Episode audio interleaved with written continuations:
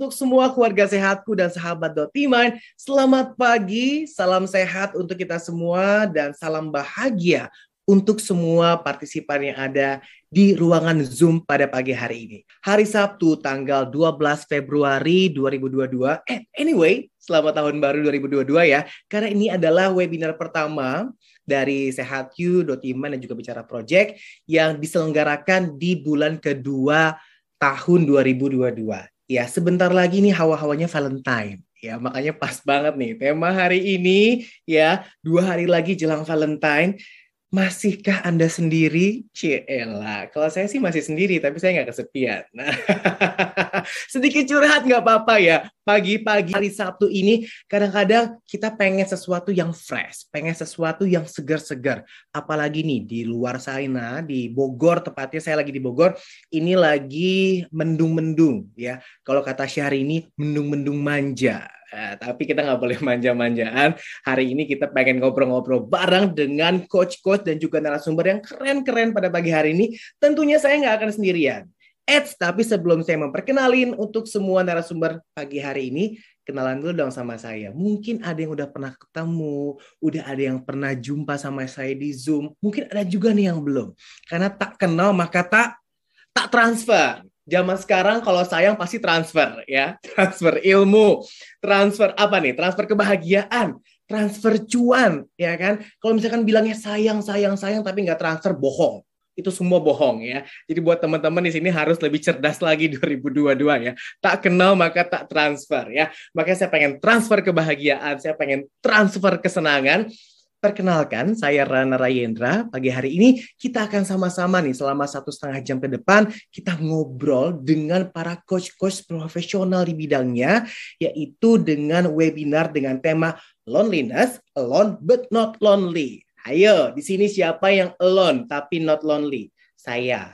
Saya sendiri tapi saya nggak kesepian karena saya banyak ada teman-teman, ada 73 partisipan di sini yang nemenin, ada Mbak Herta yang selalu ada, ada Mbak Christine yang selalu lihat Instagram saya, ada Mbak Devi juga yang kita udah pernah ketemu. Wah, dan semua teman-teman keluarga Dotiman, keluarga Sehatku, dan juga Bicara Project. Tentunya acara pagi hari ini kita bisa terselenggara dengan baik dengan uh, berkat dukungan sponsor dari Vitalongse dan juga Grade D didukung oleh Sehatku Bicara Project C Shares, Fajra Cipta Nirvana, dan juga komunitas Wear Sisters. Wow, ini keren banget ya. Pasti semua komunitas sudah pada join di partisipan pagi hari ini. Halo semuanya, apa kabar? Mudah-mudahan dalam keadaan sehat. Saya saking semangatnya nih hari ini ya. Lihat tuh jambu saya sudah semakin on semakin tegak berdiri. Ini menunjukkan kebahagiaan saya bertemu dengan teman-teman semuanya. Oke, untuk itu aku pengen kenalin dulu nih untuk semua narasumber atau kita bisa sebutnya profesional coach ya yang akan hadir mengisi acara hari ini. Yang pertama ada CEO Doti Mind and Transformative Coach yaitu ada Mbak Christine Monteiro. Dia adalah uh, she started her career in broadcasting industry, work in production house, and joining Voice of America in Washington DC as a broadcast specialist. Wow, langsung aja aku pengen uh, sapa dulu Mbak Christine. Selamat pagi. Selamat pagi Rana, kamu semangat sekali. Ternyata ukuran kebahagiaan itu dari tingginya jambul ya. Betul. Semakin tinggi jambulnya, semakin moodnya semakin tinggi juga. Semakin Mbak cetar. Apa kabar? baik, terima kasih Rana. Apa kabar? Kabar baik juga. Mbak Christine juga poni baru ya. Ini terakhir nggak begini, tapi wah ala-ala Korea gitu ya. Ala-ala Korea menjelang Valentine. Oke Mbak Christine, nanti kita akan ngobrol-ngobrol lagi ya dengan Siap. materi yang udah nggak sabar banget biasanya kalau materi dengan Mbak Christine ini keren-keren. Jadi wajib ditunggu untuk semua partisipan. Thank you Mbak Christine. Terima kasih. Oke, selanjutnya ini juga ada CEO dari Doti Mind and Professional Coach yaitu ada Mbak Devi Kandani. She started her career right on point in HRville. Her experience of over 15 years as HRBP lead in various companies. Langsung saja kita panggil Mbak Devi. Selamat pagi, pagi, pagi. Pagi, pagi, pagi, Mas Rana. itu kodenya, ya itu kodenya Rana Rayendra selalu semangat pagi, pagi, pagi biar semuanya fresh gitu. Mbak Devi apa kabar? Baik, baik, sehat. Wah luar ya, biasa. Ya, lagi di mana? Teman, ya di rumah. Semoga teman-teman semua juga dalam keadaan sehat ya. Amin, amin, amin, amin. Sehat untuk kita semua. Oke, Mbak Devi, nanti kita akan ngobrol lagi di sharing session Mbak Devi ya. Ya. Oke, dan yang terakhir ini last but not least ada juga psikolog dari Sehat Q, ada Mbak Herta Kristabel. Waduh ya, she earned her bachelor degree in psychology from the University of Taruma Negara. Selamat pagi pagi pagi Mbak Herta. Selamat pagi Mas Rana. Baru banget ya ketemu lagi kita. Iya ini udah lama banget, udah satu tahun kita nggak ketemu kayaknya ya. Betul, 2021, 2022. Lawas banget lawakannya ya.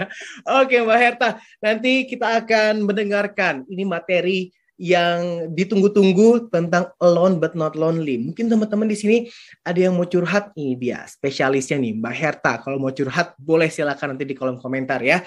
Curhatnya sampai sedih banget, sampai nangis biar ratingnya naik. Kayak sinetron ya. Oke Mbak Herta, terima kasih ya. Nanti kita akan ngobrol-ngobrol lagi setelah ini.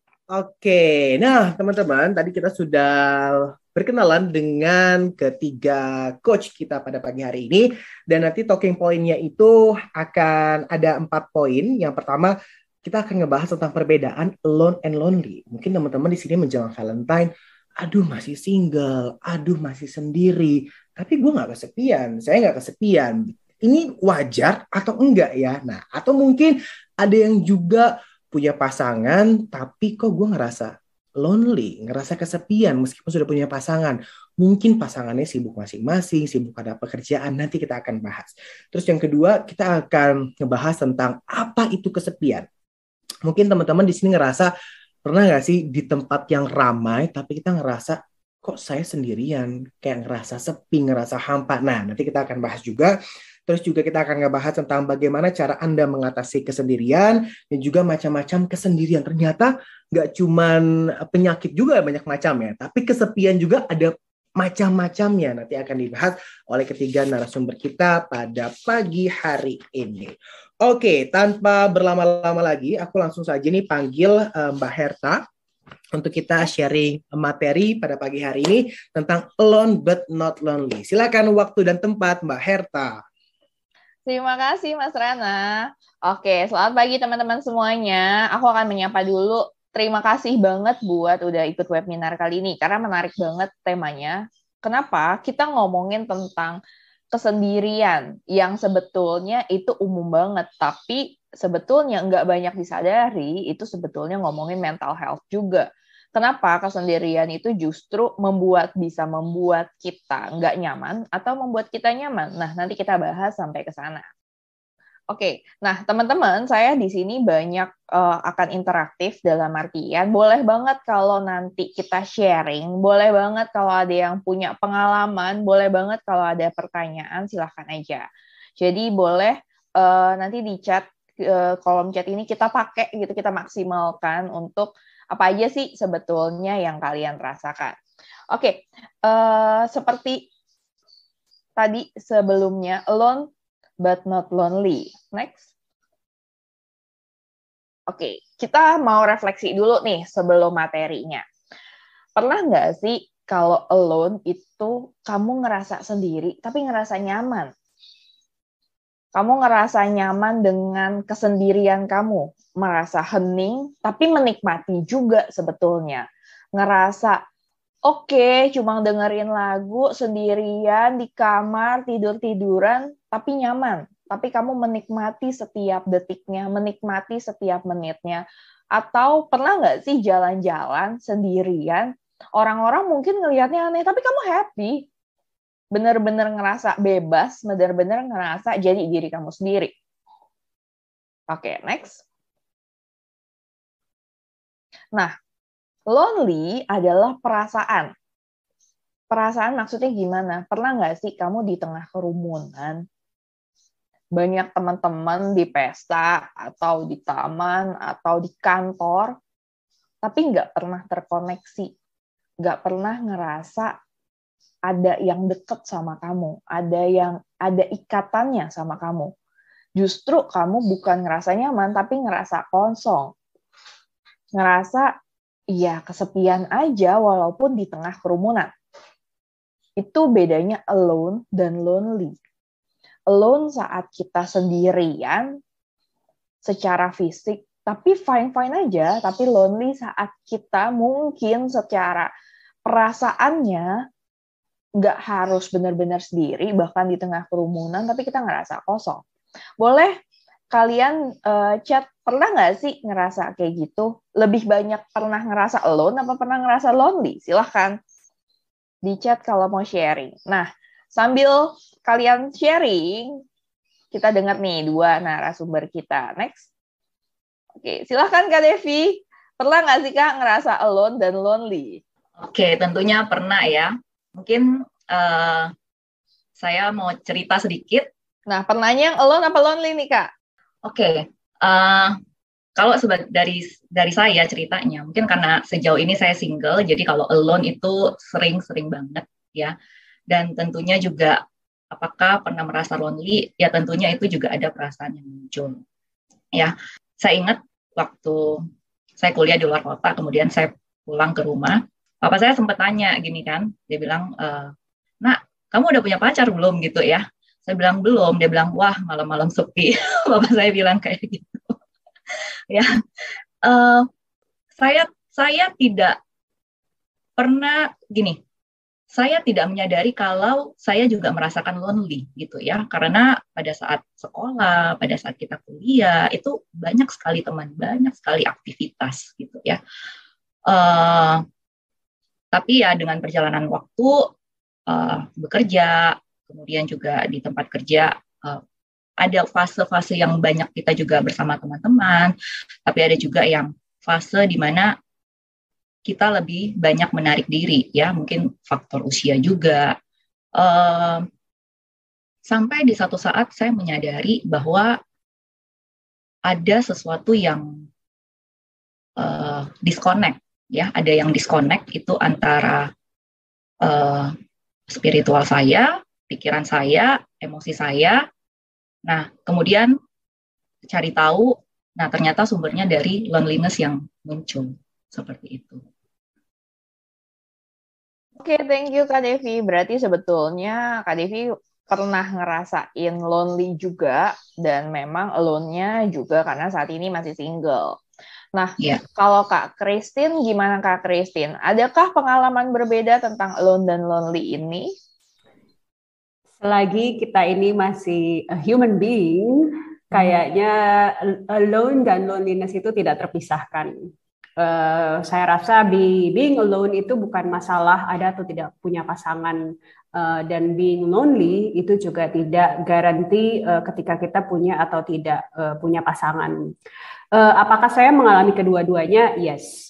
Uh, apalagi as a single parent uh, alone itu udah uh, udah pasti. Uh, tapi loneliness itu buat saya something yang come and go uh, balik lagi kita harus mengetahui diri kita sendiri siapa kita untuk bisa acknowledge uh, what kind of loneliness um, nanti mungkin uh, Herta akan sharing lebih banyak lagi uh, perbedaan uh, apa definisi dari loneliness itu sendiri. Tapi kalau ditanya ya uh, pernah mengalami dua-duanya uh, dan um, you know it's very human banget lah kalau menurut saya. Oke, okay, thank you Kak Christine. Oke, okay, boleh PPT-nya lagi. Nah, uh, kenapa kita mau sharing kayak gini? Salah satunya tujuannya adalah you are not alone gitu. Kamu nggak sendiri saat ngerasa lonely. Lonely itu sebetulnya sangat wajar dan sering kali terjadi. Tapi yang mesti dipahami adalah jangan sampai nih terus-terusan dan kita nggak sadar kalau kita lonely. Itu yang penting alone itu artinya secara fisik kita sendiri. Tapi belum tentu loh kita nggak nyaman. Kita bisa aja nyaman. Kita bisa aja fine-fine aja sebetulnya. Tapi kita sadarin juga ada loh kemungkinan kesepian. Next. Lalu apa sih sebetulnya kesepian dari psikologi? Kesepian adalah keadaan tertekan dan tidak nyaman yang terjadi ketika seorang merasakan kesenjangan antara keinginan seseorang untuk berhubungan sosial dengan pengalaman aslinya. Artinya, kalau kita punya keinginan namun itu tidak dipenuhi, akan ada rasa kesepian. Nah, yang saya garis bawahin kenapa keinginan dan pengalaman aslinya. Kita mesti menyadari kita sendiri ingin tidak. Karena next sebetulnya kesepian menariknya itu adalah sebuah need, sebuah kebutuhan. Awalnya saya tuh suka penasaran, kenapa sih di psikologi itu kita sebagai human bisa loh ngerasa kesepian? Kenapa sih sebetulnya harus ada gitu rasa ini? Nah, rasa kesepian dari awal sejarah kita, manusia itu bertahan dan makmur kalau kita itu punya community kita dalam keluarga, dalam suku, sehingga memberikan perlindungan, memberikan timbal balik. Dalam konteks ini, saat akhirnya orang itu sendirian, ada pemutusan hubungan, ini yang memunculkan rasa kesepian, karena ini jadi alarm. Oh, hidup kita nggak makmur lagi nih. Kenapa bisa bilang nggak makmur? Manusia itu tidak pernah bisa sendiri, makhluk sosial dari kita lahir itu kita udah harus membutuhkan orang yang memberikan kita makan. Kita harus membutuhkan orang yang menjaga dan merawat kita. Sehingga saat ada keterpisahan, itu akan membuat alarm di tubuh kita, ada yang nggak beres nih. Untuk survival sebetulnya. Itu yang membuat kita kenapa ada rasa kesepian ini. Nah, akan berbeda setiap orang tentunya berbeda Kenapa pada saat kecil kita pada saat disusui oleh ibu itu adalah pembentukan pertama kita ngerasain attachment. Kita ngerasain oh ada yang terkoneksi nih sama kita. Ibu dan anak. Sentuhannya saat kita disusui itu memberikan oh ya ada orang nih yang memenuhi kebutuhan kita. Setiap orang bisa beda, yes, bisa beda. Karena respon ibu dan anak itu sangat berbeda setiap orang. Saat ibunya responsif banget pada saat dia lapar sama pada saat akhirnya membentuk oh ibunya pada saat dia lapar diem aja. Oh ibunya malah nggak ada saat si bayi ini ada. Sehingga apa? Dia ngeliat dunia itu dunia yang buruk dunia ini tuh berusaha saya itu harus sendiri sehingga secara tidak sadar itu membentuk rasa kesepian pada saat kita bahkan even bayi Nah, itu yang terjadi pada saat dewasa, dewasa, dan dewasa. Next. Oke, banyak teman artinya nggak kesepian. Ini banyak banget nih, sering. Tadi kita udah ngomongin awal ibu dan anak. Nah, pada saat kita tumbuh dewasa, itu terjadi. Faktor kepribadian menentukan, tadi ada yang chat juga tuh, menentukan Kenapa pada saat pola asuhnya berbeda ada yang namanya attachment. Attachment adalah ikatan antara awalnya itu orang tua. Ada anak yang ditinggalin orang tua biasa aja, santai aja karena dia tahu orang tuanya bakal balik. Tapi ada yang ngerasa sangat-sangat cemas kayak tadi. Karena mungkin dia nggak pernah ngerasa ada ikatan nih. Itu yang membuat kita ada orang yang sangat membutuhkan kehadiran, ada yang lebih ngerasa secure tapi saat dewasa, nggak semudah itu kalau ngomongin manusia. Ada saat lingkungan, ada saat peer group teman-teman kita yang teman-temannya baik dan bully, itu kan akan sangat berbeda. Ada faktor kepribadian dari diri kita, introvert dan extrovert, itu sangat mempengaruhi. Orang ekstrovert punya banyak teman, tapi bukan artinya orang ekstrovert itu nggak pernah kesepian. Karena yang penting adalah kualitas hubungannya, koneksinya orang introvert temennya cuma dua tapi artinya apakah dia itu kesepian? Tidak, karena yang penting adalah kualitas hubungannya. Bagaimana sebetulnya seseorang itu merasa terkoneksi enggak? Ada orang enggak sih yang benar-benar ngerti? Ada orang enggak sih yang benar-benar memahami? Ada orang enggak sih yang benar-benar take and give? Karena kalau ngomongin hubungan, saat ada orang yang ngerti, tapi dia tidak pernah juga memberikan itu juga akan ngerasa koneksinya nggak ada. Yang penting adalah take and give. Orang itu pernah membuat kita percaya, tapi dia pun percaya sama kita. Karena e, sering kali klien saya adalah akhirnya ngerasa sakit hati karena dia tuh cerita apa adanya, semua percaya ke temannya, tapi temannya nggak pernah cerita. Karena hubungan itu harus dua arah. Next. Nah, uh, saya mau kasih quote. Being alone is a choice. Lonely is not. Kita bisa kok sebetulnya memilih untuk sendiri. Secara fisik sendiri. Kayak saya sini di kamar sendiri, ya karena choice, karena pilihan saya. Tapi orang itu pahami sebetulnya tidak ada yang pernah mau lonely, tidak ada yang pernah mau kesepian. Next. Karena pertama, kalau kita ngomongin emosi yang mengganggu, emosi yang menjengkelkan, itu lonely. Sehingga sebenarnya nggak ada orang yang benar-benar mau merasakan itu. Sedangkan alone ngerasa damai, ngerasa kreatif. Apalagi orang dengan kepribadian introvert. Dia tuh lebih banyak tuh mikirnya, lebih punya ide kalau sendiri. Dan justru kita ngembaliin diri orang ekstrovert pun begitu butuh uh, sendirian yes butuh sehingga dia bisa mengenal saya itu gimana sih orangnya jadi kita pengen menyeimbangkan nih kalian boleh alone yes boleh tapi lonely itu sebenarnya kadang-kadang bukan pilihan kita tapi kita bisa belajar sampai nanti gimana sih supaya kita alone tapi not lonely next nah saat sendiri kita membantu sebetulnya memahami need dan wants.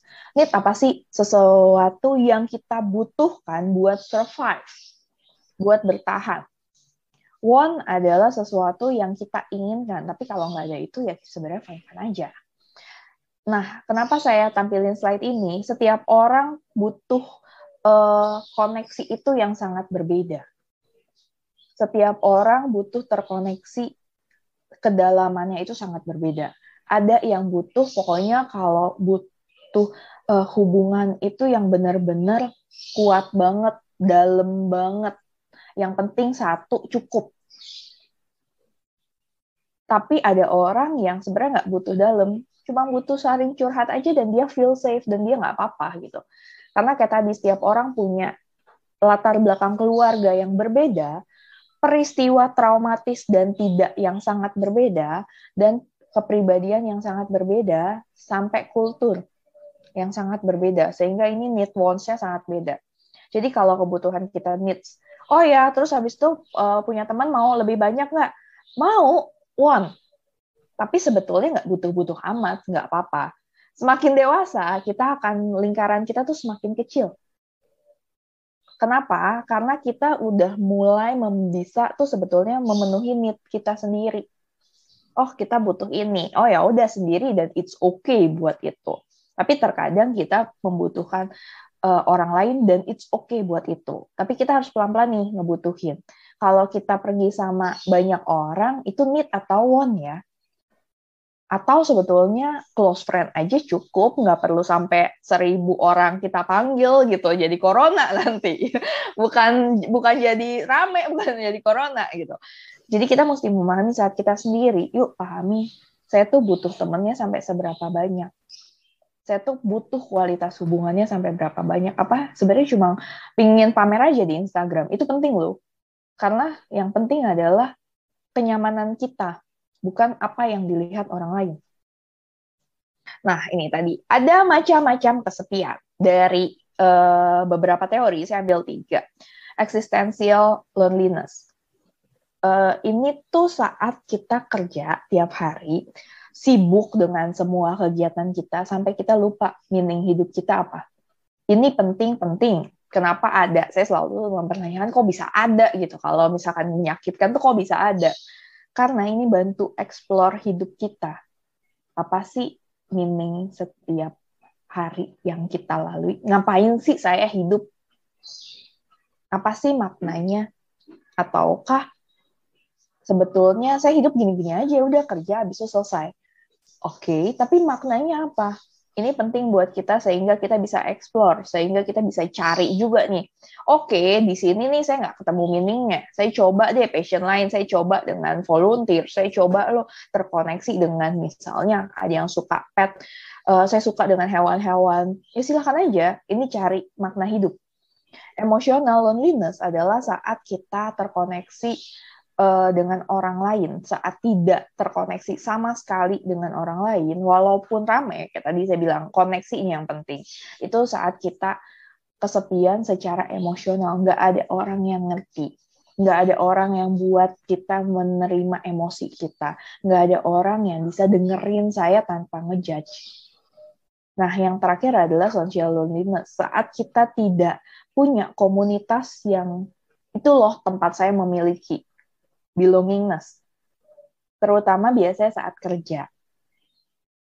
Misalnya, saya kerja di sini, tapi saya nggak ngerasa milik di sini, nggak ngerasa orang ini dihargain di sini. Saya nggak ngerasa diri saya bagian dari perusahaan ini. Atau misalnya komunitas, teman-teman, atau geng. Punya geng, tapi saya nggak ngerasa ada koneksinya. Saya nggak ngerasa kalau mereka itu butuh ada saya. Kalau bisa ada saya di sini, ada yang beda dengan geng ini, ada yang hidup. Jadi kayak ya kalau nggak ada saya sama, ada saya juga ya nggak apa-apa gitu. Kayak semua orang nggak menganggap saya itu social loneliness. Jadi akhirnya nggak menganggap uh, punya geng tertentu, punya kelompok sosial tertentu, punya grup tertentu. Jadi mungkin pernah ngerasain tiga-tiganya dan it's okay karena ini ada tuh selalu ada alasannya. Sehingga kita mesti memahami kita tuh lonely yang mana dan gimana cara ngadepinnya. Oke, ketakutan ngerasa sepi. Oke, ini boleh jadi notes kalian karena ini bagus banget menurut saya. Pertanyaan-pertanyaan ini salah satu dari uh, saya akan bilang kayak skill gitu uh, buat alat ukur psikologi buat memahami diri kita. Apa sih yang Anda pikirkan saat Anda sendirian? Boleh di-share di chat atau boleh ditulis di notes. Apa sih yang Anda pikirkan kalau merasa kalau Anda sendirian, kalau Anda alone? Kalau Anda sendirian, apa sih yang Anda pikirkan? Apa hal buruk saat Anda sendiri? Apa asumsi orang jika Anda itu sendirian? Saya sharing dikit. Saya pikirin saya sendirian pada saat saya sendirian. Yang saya pikirin pertama adalah orang akan ngasihanin saya. Itu pada saat saya umur 22. Yang buruk itu menurut saya orang tuh ngerasanya kasihan. Asumsi orang kalau saya sendiri adalah ini orang nggak punya teman. Dan saya dulu bergulat dengan itu Oke, kalau dari Kak Devi, gimana Kak? Pernah nggak sih ngerasain itu? Pernah, pernah banget. Gimana uh, tuh? jadi ya karena mostly apalagi setelah saya di Jakarta, uh, saya banyak sendiri ya, dan almost like every week saya tuh juga harus uh, karena saya kebetulan saya Kristen nih, jadi saya ke gereja, pulang gereja, saya makan dong gitu kan. Apalagi kalau di tengah food court gitu, kayak orang itu kayak lihat saya aneh gitu kali ya sendiri. uh, jadi ya kalau kita ngelihat orang sendiri dan itu juga mungkin kita mikirin diri kita ya. Kalau kita lihat orang sendiri kita kayak ngeliat eh kasihannya orang itu. Jadi mungkin sama itu yang kita rasakan juga pada saat kita lagi ngantri juga di food court gitu ya atau lagi cari tempat makan di food court gitu ya. Uh, itu saya pernah sekali waktu uh, solo traveling, kemudian saya ke Universal Studio ya di Singapura. Mm-hmm. Saya lagi ngantri wah, jadi saya habis main apa gitu basah-basah gitu, baju saya, celana saya basah semua tuh saya ngantri satu wahana. Terus ada di belakang saya tuh kayak ngeliat saya aneh gitu ya ke Universal Studio tapi sendiri. jadi saya merasa kayak orang ngeliat saya tuh kayak mungkin agak agak aneh gitu ya. Nah, ada nggak sih Kak sebetulnya ketakutan-ketakutan uh, Kak Devi pada saat ngerasa sendiri? Ketakutan-ketakutan pada saat sendiri ya. Mungkin kalau saya uh, ketakutan kalau misalnya nih saya sakit saya mengalami sakit yang berkepanjangan gitu ya itu ketakutan tersendiri buat saya sih karena uh, ya nggak bisa ngapa-ngapain gitu and saya juga nggak mau ngerepotin orang kan gitu oke okay. Thank you kak Devi kalau kak Christian ngomongin ketakutan merasa sepi atau ketakutan sendiri Um, saya rasa seperti yang tadi Herta sudah sempat singgung ya. Uh, kalau buat saya pribadi itu actually comes by stages uh, by stages itu dalam arti mungkin pada saat saya umur 20-an, 30-an itu punya ketakutan kesepian uh, apa namanya uh, tersendiri. Kalau dulu mungkin masih mikirin uh, orang kok kayak merasa gua tuh nggak punya temen, tapi I'm a true loner gitu loh. Memang dari kecil itu saya sudah terbiasa sendiri, jadi buat saya it's not a big deal. Uh, dan saya juga baru menyadari uh, mungkin baru akhir-akhir ini gitu ya. Uh, kalau misalnya ngeliat Instagram kan orang suka banget nih ngeposting Instagram tuh rame-rame, grouping gitu loh. And then I reflect on mine gitu ya. Uh, I hardly uh, posted uh, rame-rame uh, for many reasons sih sebenarnya. Karena saya juga nggak suka kumpul-kumpul rame-rame. Uh, kalau misalnya ketemu orang juga uh, very private gitu loh, maksudnya uh, one on one. Kalau nggak mungkin uh, cuma dua atau tiga orang gitu. Dan kadang-kadang uh, because itu bukan sesuatu needs untuk exposure. Jadi uh, saya juga nggak pernah tuh kepikiran kalau ketemu mesti foto gitu loh. Kalau ketemu mesti uh, didokumentasikan gitu. Jadi uh, mostly itu untuk orang yang introvert seperti saya itu yang needs itu lebih ke quality. Jadi ketika saya feel lonely itu mostly because uh, saya perlu teman bicara yang very deep. Kalau saya udah mulai lonely itu itu ada ada needs yang apa ya mengeluarkan uh, pikiran, mengeluarkan uh, apa yang ada dalam pikiran saya. Uh, jadi belajar acknowledging uh, penyebab dari loneliness itu apa sih gitu loh. Dan bagaimana cara memuaskan. Kalau wants itu mostly dari saya itu lebih ke pengen apa ya, pengen pengen keluar aja, pengen berada di tengah keramaian, tapi nggak pengen diganggu juga, which is very strange gitu loh.